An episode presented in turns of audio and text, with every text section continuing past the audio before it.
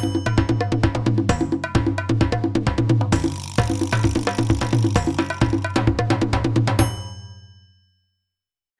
witajcie w 152 odcinku podcastu ZVZ. Ja się nazywam Kasia Czajka-Kominiarczuk, a po drugiej stronie siedzi... To ja, Paweł Opydom. Myślałem, że, myślałem, że mnie przedstawisz. Tak. Nie, uznałam, że cię nie będę przedstawiać, że, cię, że pozwolę ci coś powiedzieć w tym podcaście. Bo nie pamiętasz, jak się nazywam na przykład. No nie miałam zapisane na ręku, tak? Zwykle sobie zapisuję, z kim robię podcast, a dzisiaj zapomniałam. I, i tak, i jesteśmy. I to jest drugi odcinek 11 sezonu i się bardzo cieszymy, że z wami jesteśmy. Jeżeli jesteście z nami w słuchawkach w formie, w sensie jesteście z nami w słuchawkach, my jesteśmy w waszych słuchawkach w formie podcastu, to być może nie wiecie, że mamy nowość to jest najnowsza rzecz. Nie ma nowszej rzeczy. To jest najnowsza rzecz, jaka jest. Mianowicie postanowiliśmy wykorzystać premiery na YouTubie. Jest taka funkcja YouTube'a, że można ustawić wideo jako, jako premierę i wtedy ono się odtwarza dla wszystkich oglądających jednocześnie i jest czat i można sobie pogadać i postanowiliśmy coś takiego zrobić. Jeżeli wejdziecie na zvz.pl YouTube, to znajdziecie tam nasz kanał na YouTube i na tym kanale planowo co poniedziałek o 19 odbędzie się premiera naszego podcastu z czatem, gdzie będzie można przy okazji na żywo komentować, no nie, nie na żywo, ale będziemy udawali, że to jest na żywo. Będzie można na bieżąco komentować to, co mówimy i my będziemy tam sobie z wami rozmawiać. Zapraszamy serdecznie, żeby poczuć po prostu taką wspólnotę. Zwłaszcza teraz, jak jest, wiecie, apokalipsa i nie można wychodzić z domu, to przynajmniej możecie poczuć sobie wspólnotę co wam zostało w tym momencie tak naprawdę. Więc zapraszamy na nasz kanał na YouTube i tak jak mówię, co poniedziałek o 19 planujemy premiery naszych kolejnych odcinków, a one oczywiście potem natychmiast będą się pojawiały w wersji podcastowej też, więc nie bójcie nic, jeżeli jesteście odludkami, nienawidzicie premier, nie, nienawidzicie czatów, nie korzystacie z internetu, czy nie wiem, coś tam, to też wszystko spoko, ale zapraszamy. Jak nie korzystają z internetu, to ciekawe jak nas znaleźli, ale nie będziemy... Słuchaj, może to jest tak, że są tacy ludzie, którzy nie korzystają z internetu i ktoś im zgrywa nasz podcast na płyty i potem wysyła im nasze płyty z naszym podcastem podcastem pocztą. Tłoczy winyle. Winyle takie. I oni potem wkładają do gramofonu i słuchają sobie wieczorem naszego podcastu na winylu. I zastanawia mnie to, bo zawsze była, nie wiem czy dalej istnieje, ale zawsze istniało to takie grono ludzi, którzy pobierali pliki MP3 ze strony i potem wgrywali na telefon. Mimo, że istnieją aplikacje, które robią dokładnie to, opowiadają ci o podcaście i jak chcesz, to ci go pobiorą i jest na telefonie. I zawsze ja mówiłem, ej, ale jest aplikacja. To nie, ja nie chcę zaśmiecać telefonu aplikacją. I to jest takie, okej, okay, co? To po co ci telefon, jak nie chcesz tam aplikację instalować. Więc tak y, czasem też jest, więc jeżeli jesteście tymi ludźmi, dobrze. Zmieńmy temat. Jaki mamy temat dzisiaj? Słuchaj, Pawle, powiedz mi, gdybyś miał powiedzieć w swojej pracy, że jest coś, czego nie pozwala ci sumienie, to co by to było?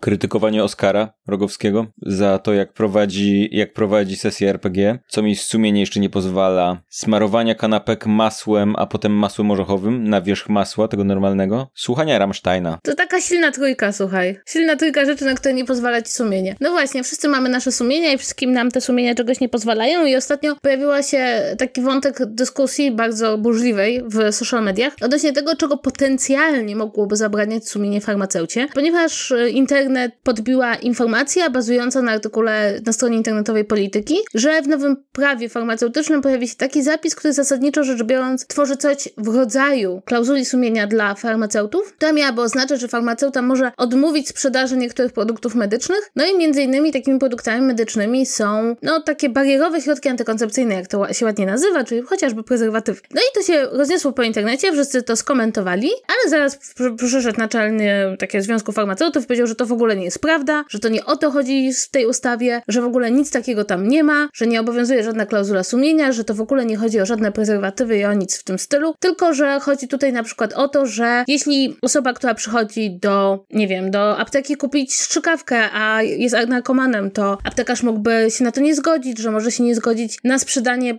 leków bez recepty osobie, która na przykład wie, że ich nadużywa, czy na przykład jeśli przyjdzie osoba z dwoma e, receptami, na których są leki, które w jakiś sposób mogą ze sobą źle zadziałać, no to może w tym momencie podać pod wątpliwość wydawanie takich leków. Jak to, jak to wygląda, że przychodzi ktoś i mówi, dzień dobry, jestem narkomanem, poproszę szczykawkę. Jakby... jak, to, jak to ma wyglądać? Skąd wiadomo? No nie wiem, no patrzysz komuś w oczy i widzisz, że jest narkomanem. Ja w ogóle nie wiem, no. Czy pan jest narkomanem? Może, może tak, może nie.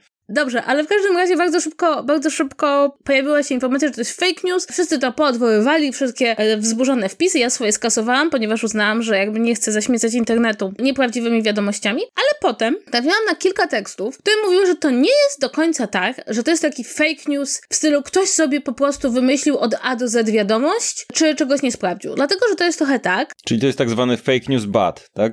Tak, fake news bad, bo to raczej nie jest fake news, tylko to jest pewna, jakby to powiedzieć, spekulatywna interpretacja istniejących przepisów. Co to oznacza? To oznacza, że te przepisy zostały zmienione w taki sposób, że tam powiedziano, że nie tylko może odmówić tego sprzedaży, jeśli zabraniają zdrowia tej osoby, która jest jakby w aptece fizycznie, czyli, ale także potencjalnie innych osób, co jest trochę dziwne, bo jakby dlaczego lekarz ma ci, fu, nie lekarz, farmaceuta, miałby odmówić sprzedaży leków ze względu na jakieś inne, nieokreślone osoby i to jest bardzo dziwny zapis, ale jest jeszcze druga sprawa. Otóż Lewica złożyła poprawkę do tej ustawy w czasie jej procedowania i ta poprawka jakby zakładała, żeby dopisać, że to nie dotyczy antykoncepcji, żeby wykluczyć tą możliwość zinterpretowania tego przepisu w ten sposób i tej poprawki nie przyjęto. I prawdę powiedziawszy, bazując na jakby tym procesie, można powiedzieć, ok, dlaczego nie przyjęliście antykoncepcji, zwłaszcza tej antykoncepcji barierowej, do, do której należą prezerwatywy czy innego rodzaju środki, dlaczego tego nie dopisaliście? Dlaczego nie doprecyzowaliście tego prawa? I tutaj właśnie dochodzimy do sedna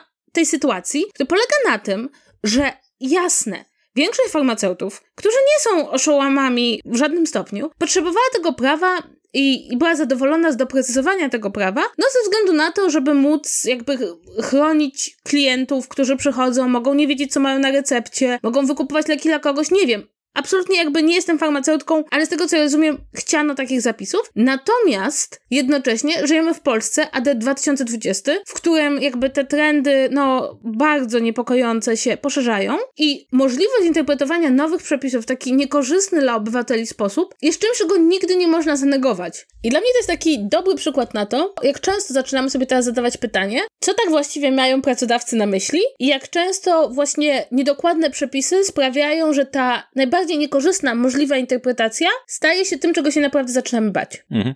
Ja usunąłem moje tweety też. Dlatego, że to, to co opowiadasz, ja okej, okay, ja, ja nie jestem na bieżąco z tym tematem, bo to jest tak, że ja usunąłem moje tweety po tym, jak się dowiedziałem, okej, okay, to był jednak fake news, a potem ty napisałaś, to może coś e, na, naszym, na naszej konwersacji, bo mieliśmy plan, żeby to omówić, że jednak coś w tym jest, ale teraz jak opowiadasz, to wychodzi na to, że nawet nie jestem w stanie za bardzo nazwać tego fake newsem, bo jeżeli, czy interpretacja Inaczej, czy to, jakie zamiary miał ktoś, kto pisał dane rzeczy, czy kto optował za danymi rzeczami, ma znaczenie tak naprawdę, czy większe znaczenie ma to, jakie prawne możliwości to daje? Bo jeżeli to daje takie prawne możliwości, jak te, o których mowa, czyli potencjalnie odmowa sprzedaży komuś środków antykoncepcyjnych z powodu whatever czegoś, no to gdzie jest ten fake news? Jeżeli to, to nadal tak działa. Czy ja dobrze rozumiem, czy coś ja gubię coś tak naprawdę? Czy to, że ta, ta część fejkowa dotyczyła tylko i wyłącznie e, jakby tego, jakie były, jakie stały zamiary za tym i nawet jeżeli to nie były te zamiary, to przy okazji można w ten sposób to interpretować. Znaczy, fake news polegał, znaczy właśnie, bo to trudno nazwać fake newsy. Kwestia polega na tym, że to poszło do sieci jako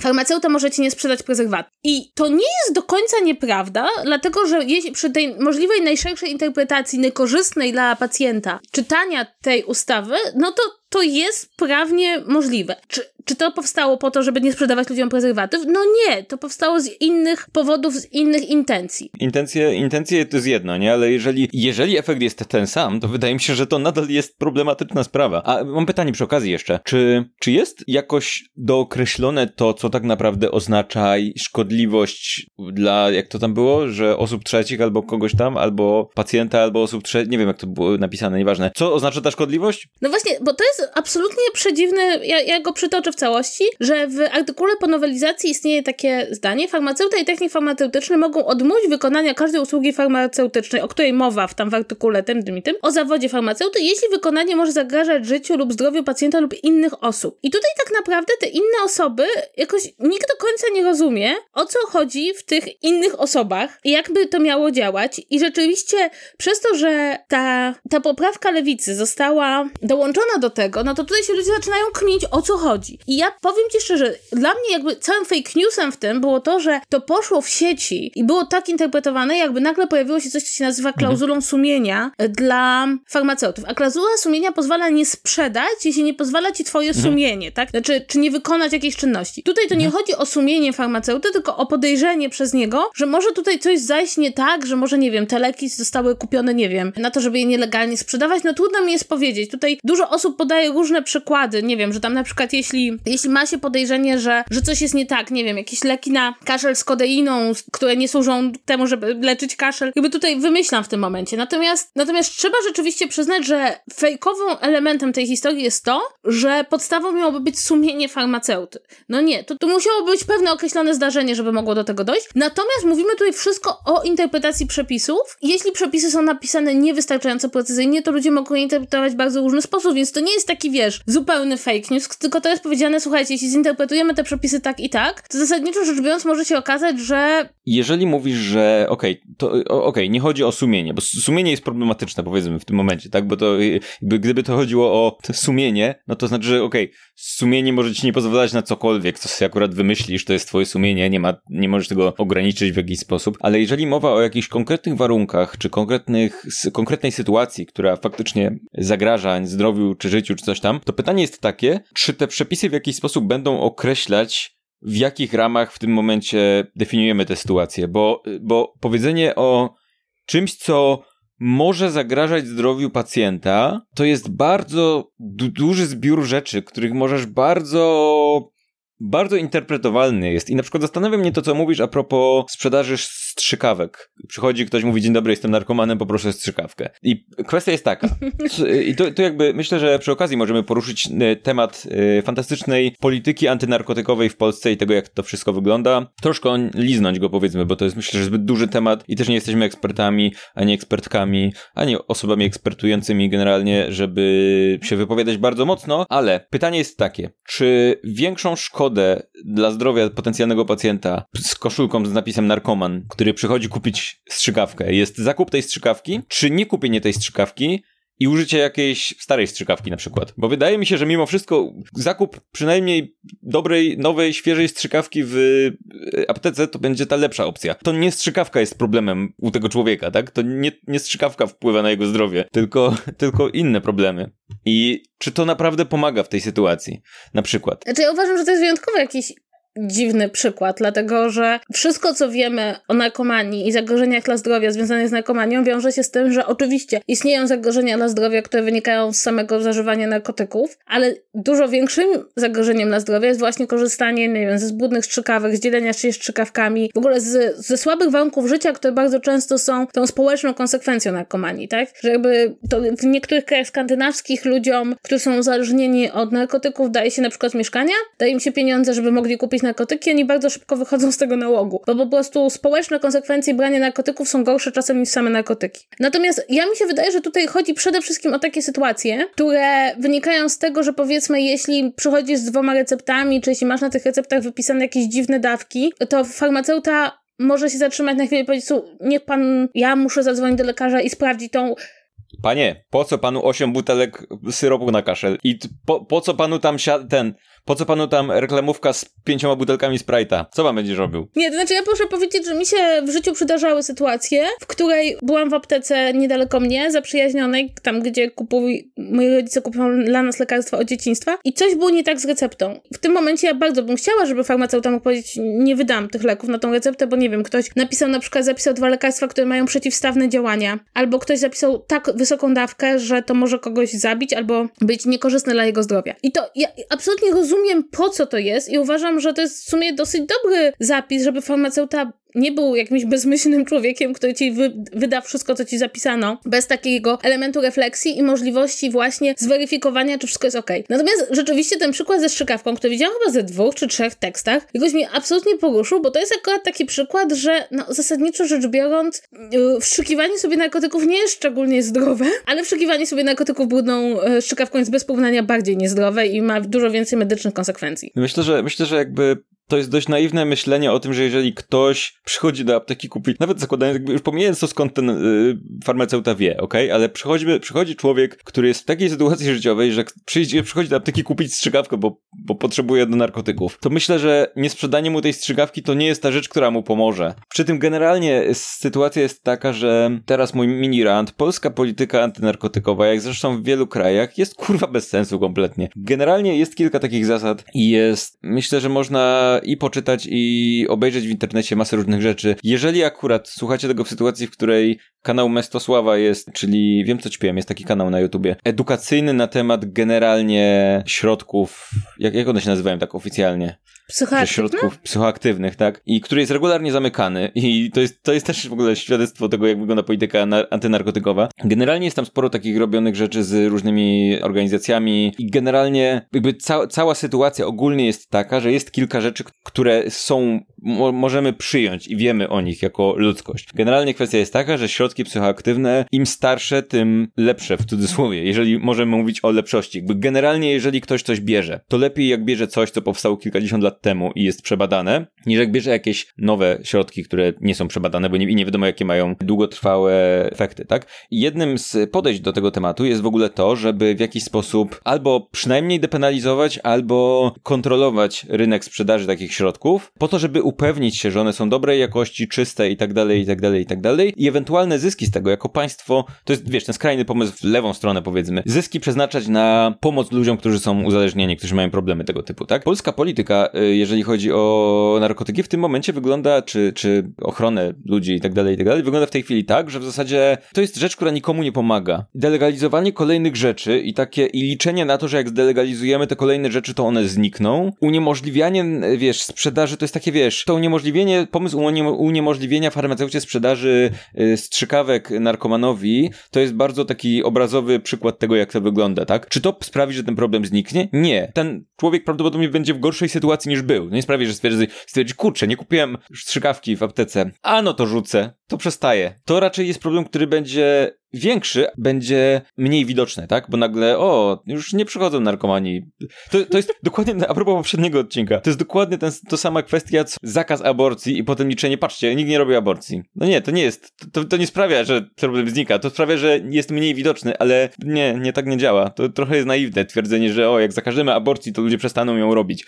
I to jest dokładnie ten sam pomysł i wow, ten przykład jest tak abstrakcyjny i tak absurdalny, że a propos, to, to jest w ogóle problem, bo ja cały czas rozmawiam z tobą, rozmawiam i rozmawiam i tak naprawdę nie rozumiem, co konkretnie te przepisy, o, których mówimy, są tak okrągłe i tak ogólne, że one na coś tam pozwalają, ale ja do końca nie wiem, jaki jest cel i jakie są granice tego wszystkiego, a to mnie troszkę przeraża. Bo jeżeli to byłoby bardzo okropnie określone, że okej, okay, farmaceuta może stwierdzić, że nie sprzeda ci dawki, która, o której wie, że może być użyta do celów rekreacyjnych, tak się chyba mówi. Tu, I tu przykład swoją drogą. Kiedyś byłem w aptece, coś nie, już nie pamiętam, dawno temu, kupowałem coś w aptece i przede mną stoi taka, no w kolejce, stoi taka, nie wiem, trójka czy czwórka nastolatków, takich starszych nastolatków, jakichś licealistów i hi, hi, hi, choczą, wiesz, czerwoni, tacy, wiesz, widać, jak dzieciaki kupujące alkohol.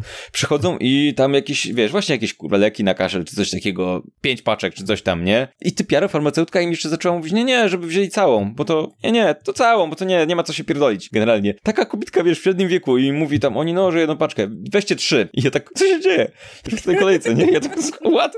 Okej, okay. więc on, no, tu w tym przypadku problem nie istnieje, że tak powiem, jeżeli chodzi o sumienie sumienie, prawdopodobnie, ale i oni, wiesz, oni tak jeszcze kitrają się, widzisz, że, wiesz jak wyglądają kitrające się dzieciaki, stoją w kółeczku i tak idą, poruszają się w kółku, tak naprawdę, wewnątrz do siebie i hu, hu, hu, to ty idź, ty idź, ty idź, no i to poproszę, tą, i wiesz, czerwony, to poproszę tą paczkę leków na kaszę. Jedną paczkę? Może trzy weźcie. I ja tak, What? No, więc to jest, to jest problem faktyczny. Okej, okay, rozumiem, że to jest sytuacja, w której ja nie wiem, jak wygląda prawo teraz. Czy farmaceuta może powiedzieć, hej. Może. Oni poszerzyli istniejące przepisy o te inne osoby. Czyli wtedy możesz powiedzieć, ale to nie dla mnie, to dla kolegi. I oni, a to nie, to muszę sprzedać. A to sorry, to nie, to oczywiście. Ja się z tobą absolutnie zgadzam, że rzeczywiście to nie jest problem w ogóle tego przepisu jednego, tylko problem stanowienia prawa w Polsce. Problem w Polsce jest stanowiony w sposób obecnie bardzo niepokojący, polegający na tym, że bardzo często rządzący odrzucają poprawki, które są sensowne, ale tylko dlatego je odrzucają, że idą od opozycji, no bo oni napisali, tą, oni napisali ten przepis, więc są najlepsi, najfajniejsi. A poza tym jest bardzo dużo takich przepisów, które są po prostu, no to jest typowy bubel prawny. W sytuacji, kiedy coś powstaje dla bardzo konkretnego celu, ale przez to, że zostaje sformułowane w taki, a nie inny sposób, nagle okazuje się, że dopuszcza coś, czego ustawodawca mógł zupełnie nie mieć na myśli, albo wszyscy siedzą i tak kminią, co kurde ustawodawca miał na myśli przez taki, a nie inny zapis. I to jest po prostu źle stanowione prawo. I dla mnie jest na przykład dowód, że w Polsce jakby bardzo, bardzo często nie myślimy o takich przepisach, które nas bezpośrednio nie dotyczą na co dzień, ale takich przepisów, takich bublowych przepisów w polskim prawie jest mnóstwo, bo prawo w Polsce obecnie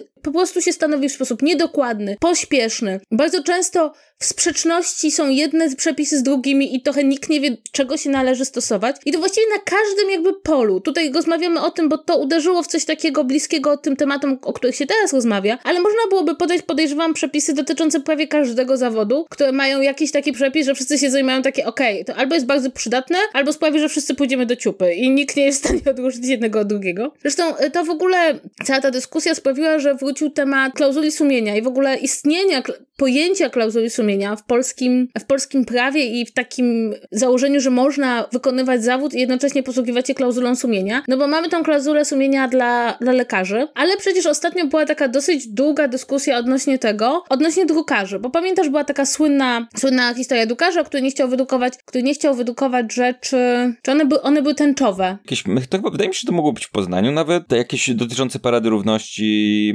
materiały, coś tam, whatever, jesteśmy tak, przygotowani ale... podcastu. W każdym razie jakieś, jakąś homopropagandę, odmówił y, wydrukowania homopropagandy. Tak było. Tak, odmówił o wydrukowania homopropagandy, zresztą niedawno przy okazji strajku kobiet pojawiło się kilka takich sygnałów z całej Polski, w tym jeden sygnał od e, takiej maleńkiej drukarni bardzo niedaleko mnie, że tam ludzie nie chcą drukować rzeczy związanych ze strajkiem kobiet. No i ogólnie rzecz biorąc, człowiek, który nie chciał wydrukować homopropagandy, przegrał w sądzie i jakby zostało stwierdzone, że nie ma czegoś takiego jak klauzula sumienia dla drukarzy. Ale to z kolei tamten wyrok ma też trochę dwa końce, bo jeśli, jeśli nie możesz powiedzieć, że nie wydrukujesz homopropagandy, to jak ktoś do ciebie przyjdzie z ulotkami ONR-u, to też nie możesz powiedzieć, że ich nie wydrukujesz. E, natomiast w ogóle istnieje czegoś takiego jak klauzula sumienia. Jest dla mnie fascynujące, bo wydaje mi się, że jeśli nie masz sumienia wykonywać pewnych czynności wynikających z swojej pracy, to być może należałoby zmienić pracę, którą się wykonuje, zwłaszcza w przypadku lekarzy, zwłaszcza w przypadku lekarzy, którzy no przecież wiedzą, jaki jest zakres rzeczy, które muszą zrobić. Więc to nie jest tak, że ktoś ich nagle zaskoczy i powie, ej, słuchajcie, wchodzi zupełnie nowa procedura i wy ją teraz musicie wykonywać. Wrócę dwa kroki, czytam, czytam nagłówki, mhm. bo chciałem sprawdzić, jak to jest, bo wydawało mi się, że w ogóle ta akcja z tym drukarzem była taka, że, że potem jednak poszło w drugą stronę, czy ktoś się odwołał, już nie pamiętam, nie wiem, jak był koniec tej sprawy. Jak wiecie, to napiszcie nam w komentarzach, whatever, ale znalazłem w jednym z prawicowych serwisów trener z Poznania, jak drukarz z Łodzi, odmówił treningu, został skazany. I wow, jakie dramaty to są. Wiesz co, wydaje mi się, że to wszystko jest, jest pewien problem w kwestii takiego bardzo mocnego, to jest to, o czym powiedziałeś przed chwilą, takiego bardzo mocnego upolitycznienia przepisów w takim sensie, że, czy, czy stanowienia prawa w takim sensie, że to kto co powiedział i jaki jest tak naprawdę taki bardzo ogólno, mam, mam wrażenie, że ważniejsze od tego, jakie w sumie przepisy powstają, jakiej jakości i o co chodzi, ważniejsze jest to, jak one wpłyną na wizerunek ludzi, którzy te, to prawo stanowią. I jakby myślenie o tym, okej, okay, co, co, jak, jakie będziemy mieli, o, jaki będziemy mieli powiedzmy odbiór medialny, kiedy wprowadzimy coś tam, albo wprowadzimy coś tam, albo coś takiego, tak? Tutaj, yy, wiesz, sięgając po te przykłady, mam wrażenie, że nikt w Polsce nie zastanawia się, jeżeli mówiliśmy o polityce antynarkotykowej, w Polsce nie zastanawia się, jaka byłaby najlepsza dla ludzi, których trzeba chronić i którzy są ofiarami tych problemów, jaka byłaby polityka, zastanawiamy się nad tym, czy politycy zastanawiają się nad tym, jak zostanie to odebrane wizerunkowo, tak? I to jest większy problem. Jak zostanie odebrane wizerunkowo to, że ja, ja podejrzewam, że w momencie, w którym pojawiła się taka poprawka ze strony lewicy, no to myślenie raczej było nie takie, ok, czy to ma sens, czy nie, tylko jakie będą nagłówki w internecie po tym, czy w, w prasie, czy nie będzie, czy w tej naszej nie będzie rząd pozwolił, nie, rząd zmusił aptekarzy czy farmaceutów do sprzedaży antykoncepcji i zabijania dzieci. Bo może być taki nagłówek, ja sobie wyobrażam w niektórych mediach. I mam wrażenie, że jakby wizerunek tego, kto z kim powinien współpracować, kto nie, co powiedzą w Radiu Maryja, co powiedzą w TVN-ie, co powodzą gdzieś tam, jest bardziej istotny niż to tak naprawdę, czy, czy to prawo ma sens, jakie może mieć efekty uboczne i niezależnie od tego, jakie mamy prywatnie poglądy na różne tematy, to wszyscy na tym tracimy jako ludzie, bo powstają buble prawdy i powstają problemy. I to jest rzecz, która mnie troszkę przeraża. Ja się nie dziwię. Słuchaj, wiesz co, przypomniało mi się, że w sprawie tego drukarza, jeszcze oni był ten wyrok Trybunału Konstytucyjnego, który troszeczkę jakby mówił, że można odmawiać rzeczy, jeśli są niezgodne z twoim sumieniem, bo to jakby nie, że nie, nie powiedział, że istnieje klauzula sumienia dla każdego zawodu, tylko w pewien sposób oddalił coś, co miało taki antydyskryminacyjny wymiar, zwłaszcza w kontekście orientacji seksualnej. Ale zgadzam się z tobą, że tak naprawdę w tym sporze o to sumienie, o te kompetencje, o to, co komu wolno, tak naprawdę już dawno straciliśmy z oczu takie realne przypadki i w większości przypadków to jest po prostu przepychanka e, polityczna. I też mam poczucie, że kiedy mówi się o negatywnym wpływie, powiedzmy, takich rządów, które są, no, powiedzmy, od strony prawnej mało demokratyczne, to bardzo dużo osób właśnie zapomina, że one generują taką strasznie stresową sytuację dla obywateli. Że obywatele wiedzą, że wchodzą jakieś przepisy i z jednej strony te przepisy nie muszą być nawet explicite, w żaden sposób dyskryminacyjne czy niewygodne, ale włącza nam się taki tryb, że patrzysz na jakiś przepis, który się pojawia, czy na jakąś nową decyzję rządu cały czas się boisz, że to jest wymierzone przeciwko tobie. I mam takie poczucie, że ostatnio to bardzo narasta, że cokolwiek się jakby dzieje w zakresie takim prawnym czy politycznym, czy pojawiają się nowe jakieś przepisy, to oczywiście można to interpretować, że prawda, tutaj trzeba jakoś uporządkować stan państwa i pewnie ludzie, którzy popierają obecną władzę mają takie mocne poczucie, okej, okay, tu robi się coś fajnego, ale jednocześnie jest taki cały czas taka atmosfera rosnącego zagrożenia, czegoś, co jest moim zdaniem bardzo dobrym miernikiem tego, jak bezpiecznie czujesz się w demokracji, w której jesteś, że oni za chwilę mogą, oni, tutaj ci oni to jest bardzo nieprecyzyjne określenie bardzo często, mogą wprowadzić coś, co ograniczy twoje swobody czy prawa i czasem to są takie przepisy, słuchajcie, które się w ogóle wydają zupełnie neutralne. Na przykład jakiś czas temu zmieniono prawo prasowe i w tym prawie prasowym była taka informacja odnośnie, odnośnie sprostowań. No i istniała taka interpretacja tego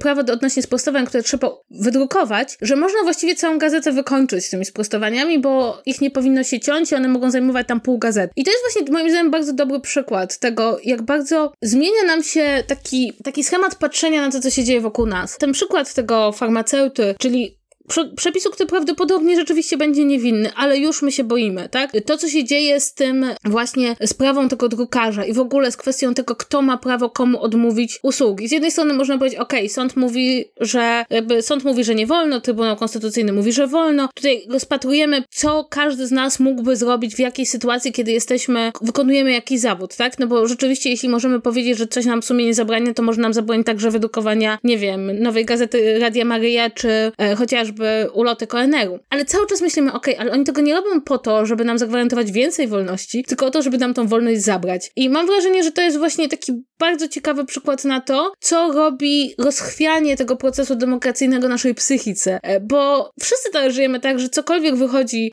z Sejmu, to mamy tak, czytamy to i mamy takie, hmm, ten przepis jest dziwny, a ten jest nieprecyzyjny, a ten jest tak napisany, że wszystkich nas mogą, nie wiem, powołać do armii. I zwłaszcza w przypadku koronawirusa mam wrażenie, bo jest mnóstwo takich przepisów, których nikt nie rozumie, i wszyscy je czytają przez pryzmat tego, czy oni wiedzą, co właśnie uchwalili, e, więc, więc to tak mam takie wrażenie, że to ta cała sytuacja i ten taki rozchwianie z nią związane bardzo dobrze pokazuje, jaki jest nasz stan psychiczny teraz jako narodu. Zgadzam się, że zwłaszcza jest ta kwestia pandemii obecna i tego, jak często mam wrażenie, oczywiście jasne, to jest dalej nasza bańka, może to jest z jednej strony, a z drugiej strony ludzie uważają, że rząd super w ogóle na naszą walczy o, o nasze dobro, ale generalnie mam wrażenie, że często odbiór to je, tego, co się dzieje, czego co się pojawia, to jest takie, okej, okay, jaki ukryty cel ma rząd, żeby nas przycisnąć robiąc daną rzecz. Co, jaka jest strategia, żeby coś tam zrobić? Czy, czy jak rząd zmienia sposób liczenia osób zakażonych, to czy robią to po to, żeby było tego więcej i żeby móc prowadzić totalny lockdown, albo jak y, głosiła literówka na stronach któregoś ministerstwa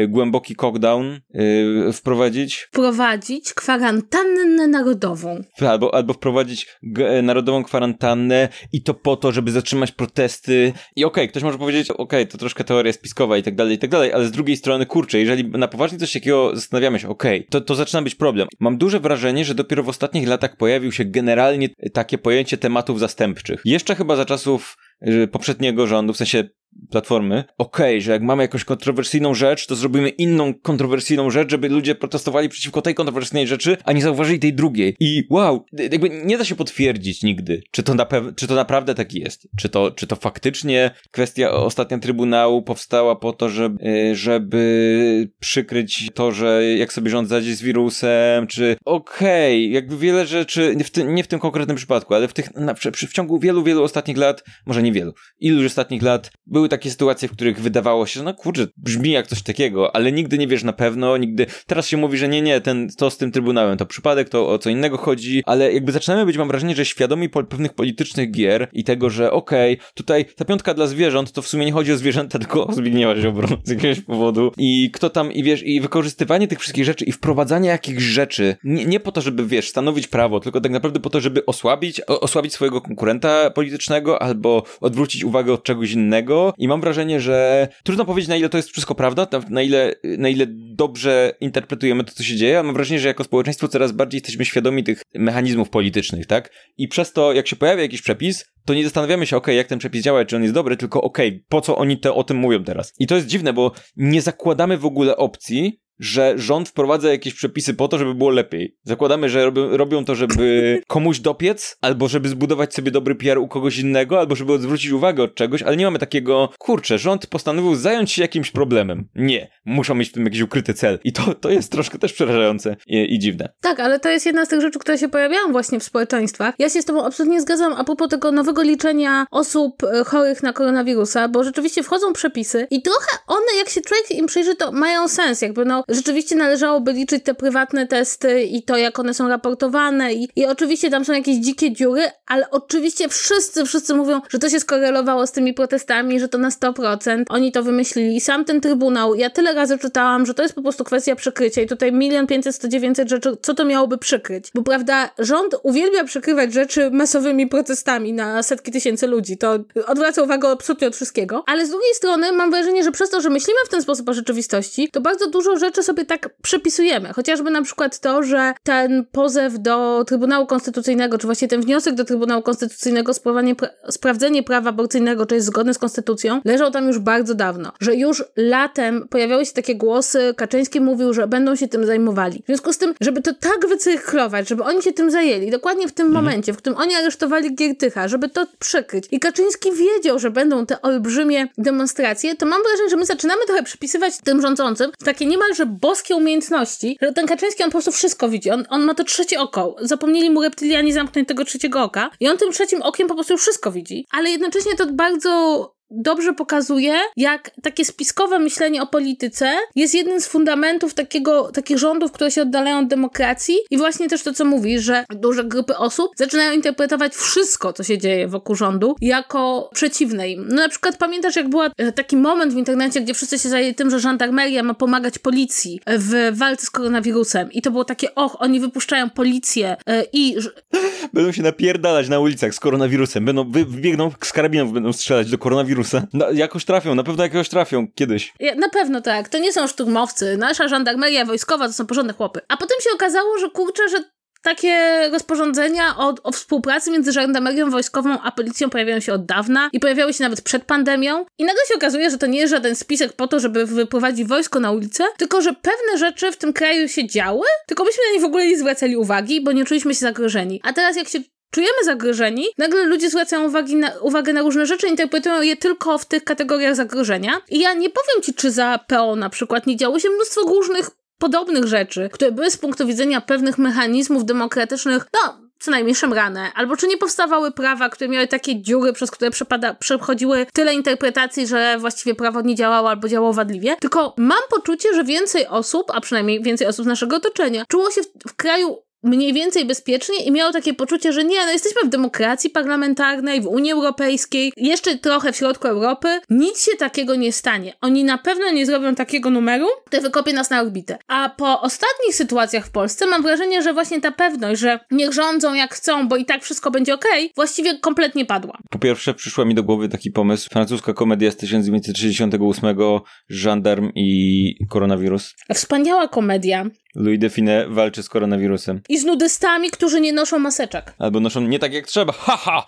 Wydaje mi się, że to, to jest w ogóle temat, który mam w głowie od dawna, takie, takie kilka myśli różnych. W jaki sposób ludzie sobie wyobrażają generalnie zmianę ustroju? W sensie, i to teraz trochę zrobię skok daleko. Jest taki temat w Polsce, który istnieje od wielu, wielu lat, 800 lat mniej więcej, e, mianowicie rozliczanie komunizmu. nie, jakby cały czas nierozliczony. Wszyscy są, chcą cały czas, zawsze jest ktoś, kto chce rozliczyć, nie? Okej, okay, jakby to nie chcę tutaj usprawiedliwiać generalnie, wiesz, ludzi, którzy robili naprawdę bardzo złe rzeczy za czasów y, poprzedniego ustroju, ale myślę, że dziś patrząc na, patrzymy na komunizm na zasadzie, okej, okay, to był taki zły, mroczny okres w historii Polski i on się potem skończył i tam źli ludzie robili złe rzeczy, a dobrzy ludzie walczyli o to, żeby móc zrobić dobre rzeczy. Ale wyobrażam sobie sytuację, w której jak rodzisz się w czasach komunizmu i żyjesz w tych czasach, to nie myślisz sobie, kurczę, kiedy ten komunizm się skończy, wróci demokracja, której nigdy nie pamiętałem. Nie, jakby zakładasz, że to jest norma. Tak samo jak dziś. Żyjemy w demokratycznej Polsce i nie zakładamy, że ten ustrój się zmieni za ileś lat i co wtedy będzie i czy będziemy rozliczać demokrację i po której stronie wtedy będziemy. Nie, po prostu żyjesz, nie? Jakby nie, nie myślisz o tym. Nie jesteś w stanie, żyjąc w historii, jesteś w stanie historię analizować tylko wstecz. Nie jesteś w stanie, będąc w środku danego ustroju, zastanawiać się, czy jak rozliczy mnie nowy ustrój, jakby przeszedł jakiś, tak? I mam wrażenie, że ludzie sobie wyobrażają, że jakby na, na bazie tego, że jak weźmiesz książkę do historii liceum, to przeczytasz sobie komunizm, komunizm był, w tym tam roku się skończył i potem już nie było komunizmu i teraz jest super. Może przynieść taką, taki, takie wrażenie i to nawet nie jest kwestia to jest kwestia tego, jak pamiętamy czas, mam wrażenie, że mam wrażenie, że myślimy o historii milestone'ami, tak? I myślimy sobie, okej, okay, tu był komunizm, tu się skończył, teraz go nie ma. Był i coś tam się zmieniło. Ale jeżeli będzie jakiś problem, czy jest jakiś problem z demokracją w Polsce, to to nie będzie tak, że wyjdzie Jarosław Kaczyński na mównicę i powie, słuchajcie, jest sprawa, kończymy demokrację, znudziła mi się. I od jutra nie ma. I wszyscy powiedzą, kurwa nie, i będzie protest. Demokracja to jest coś, co umiera kawałek po kawałku. Nie jak w Gwiezdnych Wojnach. Mam wrażenie, że to nie do końca jest tak, że wszyscy biją brawo i ktoś wychodzi na mównicę i ogłasza, teraz już będzie imperium. Myślę, że to jest kwestia zabierania, wiesz, małymi kroczkami, zabierania różnych rzeczy. Było ileś, kto pamięta dzisiaj protesty wokół Trybunału Konstytucyjnego? A, a mam, zaczynam mieć wrażenie, że już z pierwszych stron portali znikają te protesty obecne. I wraca koronawirus, wraca Donald Trump, wracają rzeczy, tak? I może się okaże, że za miesiąc po tych wielkich protestach nic nie wyniknie, bo okaże się, że strategia rządu polegająca na po prostu nic nie robieniu i ignorowaniu tego, że ludzie mają problem, bo ludzie z bez, poczucia bezsilności w końcu ten problem się skończy i jakby co, co możesz zrobić poza protestowaniem, jak ktoś cię ma w dupie. W pewnym momencie urodzimy się w państwie, które po prostu nie będzie demokratyczne. I to nie będzie tak, że ktoś nam to ogłosi z dnia na dzień, tylko nawet nie będziemy, nie zauważymy kiedy. I dlatego każde takie drobne stanowienie prawa, które w zasadzie nie wiadomo, jaki jest jego cel, co wprowadza, o co chodzi, co kto przykrywa, co się dzieje, co to tak naprawdę dokładnie oznacza i na co pozwala i interpretacja jest niejasna, sprawia, że okej, okay, część ludzi powie nie, to nie może tak być, część ludzi powie nie, to jest fake news, a tak naprawdę to w sumie, skoro to nic nie znaczy, i to też jest rzecz, którą często, często obserwuję, takie brak konkretnej interpretacji, o co tak naprawdę chodzi w danych działaniach, powiedzmy, rządu, sprawia, że zawsze się znajdą ludzie, którzy powiedzą, ale to nic takiego, to w sumie nie, nie, to nie, nie jest taki problem. I teraz też widzisz coś takiego, możesz powiedzieć, ok, te przepisy umożliwiają bardzo szeroką ich interpretację, ale jednocześnie ktoś ci powie, no ale dobra, no umożliwiają, ale to nie o to chodzi, jakby nie, to nie jest problem. I zawsze się znajdzie, mam wrażenie, że e, bycie pasywnym w takich sytuacjach jest wygodne. Takie powiedzenie, e, wiesz, mówienie, a to nie problem, nie, przecież nie zrobią czegoś takiego. I mam wrażenie, że my tak idziemy takimi małymi kroczkami nie zrobienia czegoś takiego coraz dalej. I ja nie wiem, co jeszcze, co będzie kolejną rzeczą, której, to, o, o, której wszyscy będą mówili, że e, ale tego to nie zrobią. E, to na pewno nie po to, bo, bo coś tam. I potem zrobią. Więc to mnie przeraża najbardziej. No to co, to, co opisujesz, to jest bardzo dobry przykład. Znaczy, mamy takie przykłady w historii. Ogólnie tak to wygląda, prawda? To znaczy, je, jeśli patrzymy na historię krajów, które przechodziły od y, demokracji do systemów autorytarnych czy totalitarnych, to one mniej więcej tak przechodziły. E, że ktoś wygrał wybory, jakieś prawo przestawało działać, jakaś grupa zabierano jej jakieś prawa po kolei, kogoś oskarżano o to, że jest przeciwko państwu, w związku z tym można było zdelegalizować jakąś partię, ale potem ktoś przejął media i w tych mediach nagle zaczęły się pojawiać już tylko jeden rodzaj wiadomości i tak powoli, powoli e, demokracja odchodziła, więc ten mechanizm, o którym ty mówisz, to takie twoje przeczucie jest absolutnie uzasadnione w historii i też e, to warto powiedzieć, że rzeczywiście, jak się żyje w jakimś ustroju, jak się w ogóle ta historia dzieje w nas, no to poza wojnami, czy poza takimi rewolucjami, nie wiem, jak upadek muru berlińskiego, to bardzo trudno powiedzieć, o, tu, tu się coś skończyło. Zresztą, prawdę powiedziawszy, no, nigdy to się do końca nie kończy, że się tak wyrażę, bo chociażby rzeczywistość, w której dzisiaj żyjemy w Polsce i to, kto nami rządzi i dlaczego nami rządzi i co myśli o rzeczywistości i to, jak my na tą rzeczywistość reagujemy, to jest przecież pochodna tego, że większość naszego społeczeństwa żyła w PRL-u i w tym PRL-u nabiera pewnych odruchów, a potem w czasie rewolucji Solidarności różne ugrupowania, które brały w niej udział, różne pomysły na Polskę nie były ustalone tak, że wszyscy któregoś dnia powiedzieli, ok, to będzie taka Polska teraz, tylko nadal są pewne resentymenty i spory i przecież Kaczyński non-stop żyje latami 90., kiedy ustalano nową Polskę, jak to będzie wyglądało i bardzo dużo rzeczy, które się dzisiaj dzieje, to próba tamtych osób, które uważają, że źle urządzono Polskę, urządzenia jej na nowo. Ale tak, zgadzam się z tobą, że to jest właśnie tych takich małych zmianach, w tych takich małych niepewnościach, w tych e, takich dowodach na to, że pewne rzeczy, które były ok, zaczynają się robić niepokojące. Chociażby dla mnie doskonałym przykładem jest minister Czarnek, minister edukacji i szkolnictwa wyższego, który ostatnio zaczął bardzo wyraźnie mówić, że będzie wyciągał konsekwencje wobec uczelni, które dały dzień rektorski albo które zachęcały do udziału w czarnym proteście i też te takie listy od kuratoriów dotyczące tego, że chcą mieć informacje o nauczycielach, którzy zachęcali uczniów do udziału w tych protestach. To wszystko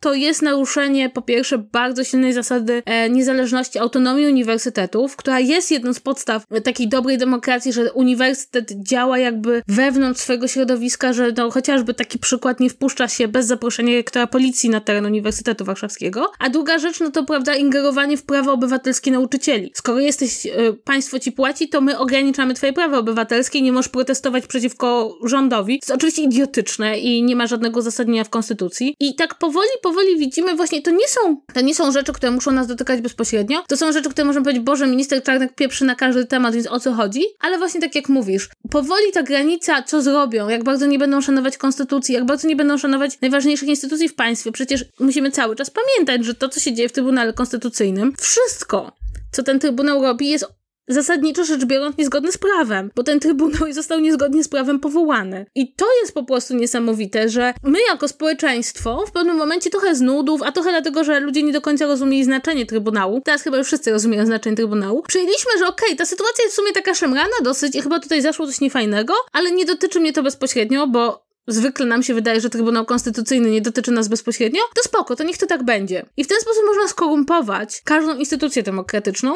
bo ludzie mają własne pretensje. To samo było z sędziami i z w ogóle całą reformą sądownictwa. Bardzo wiele osób ma złe, osobiste wspomnienia z sądem. W związku z tym mówi, nie, no ci sędziowie to się do niczego nie nadają. Po czym wchodzi reforma sądownictwa, która co robi? Podważa jeden z filarów demokracji. Więc prawda jest taka, że my teraz, jeśli mielibyśmy oceniać, że demokracja to jest taki kraj, w którym jest trójpodział władzy i to jest taki kraj, w którym rzeczywiście te przepisy zapisane w konstytucji są przepisami, które rządzą ustrojem i wszystko się rozgrywa wedle pewnych procedur, no to Polska już nie jest w demokracji. Jesteśmy w demokracji pod tym względem, że rzeczywiście nadal mamy demokratycznie wybieraną władzę, czyli, czyli mamy głosowania i możemy wybrać przedstawicieli i teoretycznie możemy wszystko jeszcze odkręcić innym głosowaniem, ale w tych takich założeniach, jak to państwo powinno funkcjonować, to myśmy już bardzo daleko od, od tego odeszli, a nikt chyba z nas, poza być może jakąś wąską grupą, która siedzi w bardzo takich newralgicznych punktach i zawodach, nie zauważy, żeby ktoś odwołał demokrację, tak? No bo mhm. właśnie tak jak mówisz, nikt nigdy nie wychodzi i mówi, no poza jakimiś bardzo skrajnymi przypadkami, ale nikt nie wychodzi nie mówi, słuchajcie, no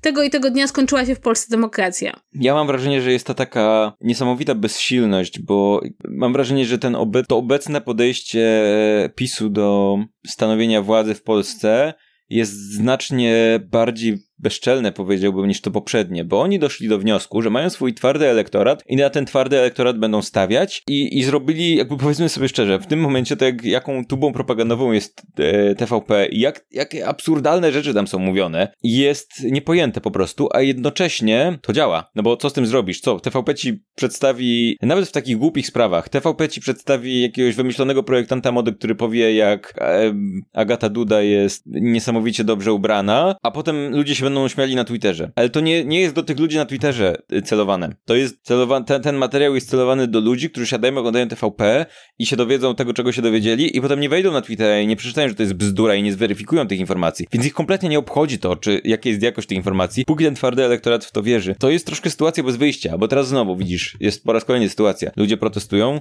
w, w telewizji dowiadujemy się różnych rzeczy o tych protestach, że to w zasadzie antykościelni faszyści postanowili zniszczyć Polskę, bo 100% nie Polacy już. Można mówić, ale bzdury, ale to ci ludzie, do, którzy oglądają TVP na poważnie, jakby odbiorą ten komunikat tak, jak odbiorą i tyle. A rząd będzie ignorował te protesty tak długo, aż się uspokoją i tylko się coraz bardziej okopią w swoich, wiesz, w swoim elektoracie z razem ze swoją taką, w, te, w tym swoim, w tej swojej oblężonej twierdzy, gdzie wszyscy chcą zniszczyć Polskę dookoła i każdy, kto się nie zgadza, to zniszczyć Polskę. No i to jest sytuacja mocno bez wyjścia, jakby, wiesz, idziemy na zderzenie z czołowe z murem, nie? A jednocześnie Warto dodać, że nikt o tym tak nie myśli w Polsce, ale telewizja polska nie, nie należy jej przekaz tak naprawdę wedle tego, czym ona powinna być, bo mówię, do partii rządzącej. Telewizja polska nie istnieje po to, żeby mówić nam, co myśli partia rządząca, bo to nie jest telewizja polityczna, a publiczna. Zadaniem telewizji publicznej jest informowanie o tym, co się dzieje w kraju, ponieważ ja wam przypominam, że płacąc abonament, a powinniśmy płacić abonament, względ prawo nam nakazuje, wszyscy jak jeden mąż zrzucamy się na telewizję polską. My, naród polski, ludzie, którzy płacą podatki w kraju, którzy mają odbiorniki telewizyjne oraz inne odbiorniki umożliwiające odbieranie telewizji, rzucamy się na telewizję polską, bo mamy płacić e, abonament. I za nasze pieniądze partia rządząca robi propagandę swojej wizji świata, swojej wizji rzeczywistości. Jest absolutnie paskudną propagandę, biorącą swoje najlepsze wzorce i to nie z propagandy komunistycznej, ale z propagandy gebelsowskiej. To jest coś, co w ogóle my o tym nawet nie myślimy. To powinno być medium nie partyjne, a państwowe.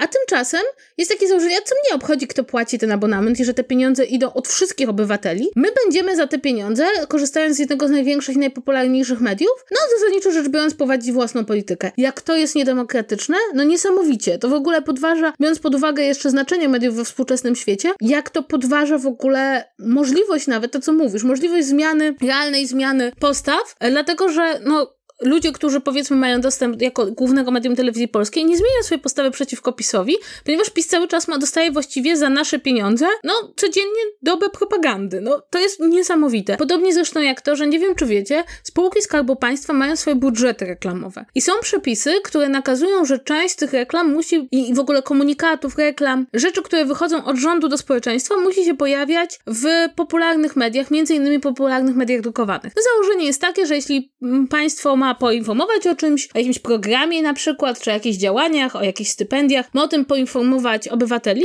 no to logiczne jest, że powinna to robić w mediach, które są szeroko dostępne. Zapisu, właściwie całe pieniądze, pomijając jakieś drobne procenty, idą do czasopism prawicowych. No i możecie powiedzieć, nie no, dlaczego by nie? Problem polega na tym, że tych czasopism prawicowych prawie nikt nie kupuje. Czyli znowu, spółki Skarbu Państwa płacą olbrzymie pieniądze za reklamy, które zajmują naprawdę kilkanaście czy istotną częścią tych gazet, w gazetach, których nikt nie czyta.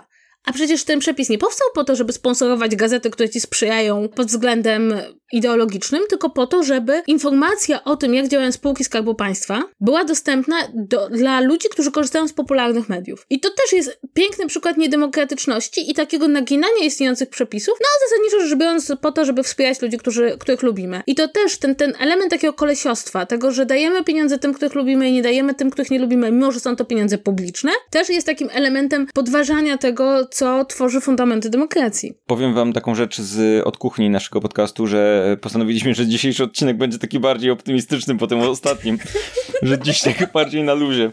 Więc słuchajcie. Będzie wesoło. Nagle się okazuje, i teraz słuchajcie, jest jedna rzecz, którą musimy zrobić. Idźcie wszyscy, teraz idźcie wszyscy do apteki i kupujcie strzykawki, bo już tyle nam tylko zostało. Już nic innego. Póki można, bo, bo to jest ten etap chyba. Chyba będziemy kończyć, co? Tym optymistycznym akcentem, że konie, ogłosiliśmy koniec demokracji w Polsce gdzieś po drodze, a potem tak, jeszcze długo tak. mówiliśmy o tym, że jest coraz gorzej. Więc yy, słuchajcie, piszcie do nas na kontakt małpa.zvz.pl, to jest nasz mail. Możecie nam zostawiać recenzję na Apple Podcast, możecie nas subskrybować wszędzie, gdzie chcecie, na YouTubie, na Spotify. Pamiętajcie, mamy nowy kanał na YouTubie, zwz.pl YouTube, jak tam wejdziecie, to na niego traficie. On jest zupełnie świeżutki, więc zostawcie tam subskrypcję i zapraszamy na premiery, gdzie możecie też komentować na czacie w trakcie takiej premiery, jak bardzo jesteśmy w dupie jako społeczeństwo. E, co poniedziałek o 19. Taki jest plan. Paweł, ja, ja właśnie coś wymyśliłam. No. Że premier powinien przejść na naszą premierę. Obawiam się, że to mógłby być ostatni odcinek naszego podcastu.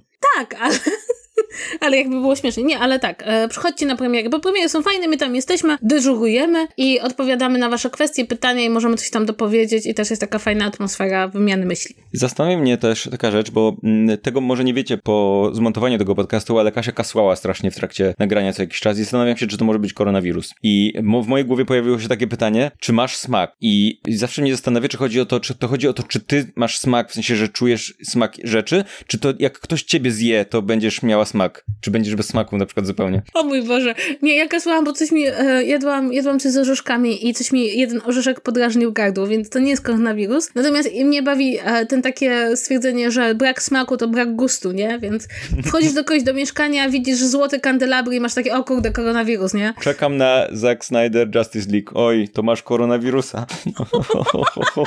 to i wszyscy fani Zacka Snydera i fanki Zacka Snydera i osoby fanujące Zacka Snydera właśnie wyłączyły nasz podcast i już nigdy nie wrócą.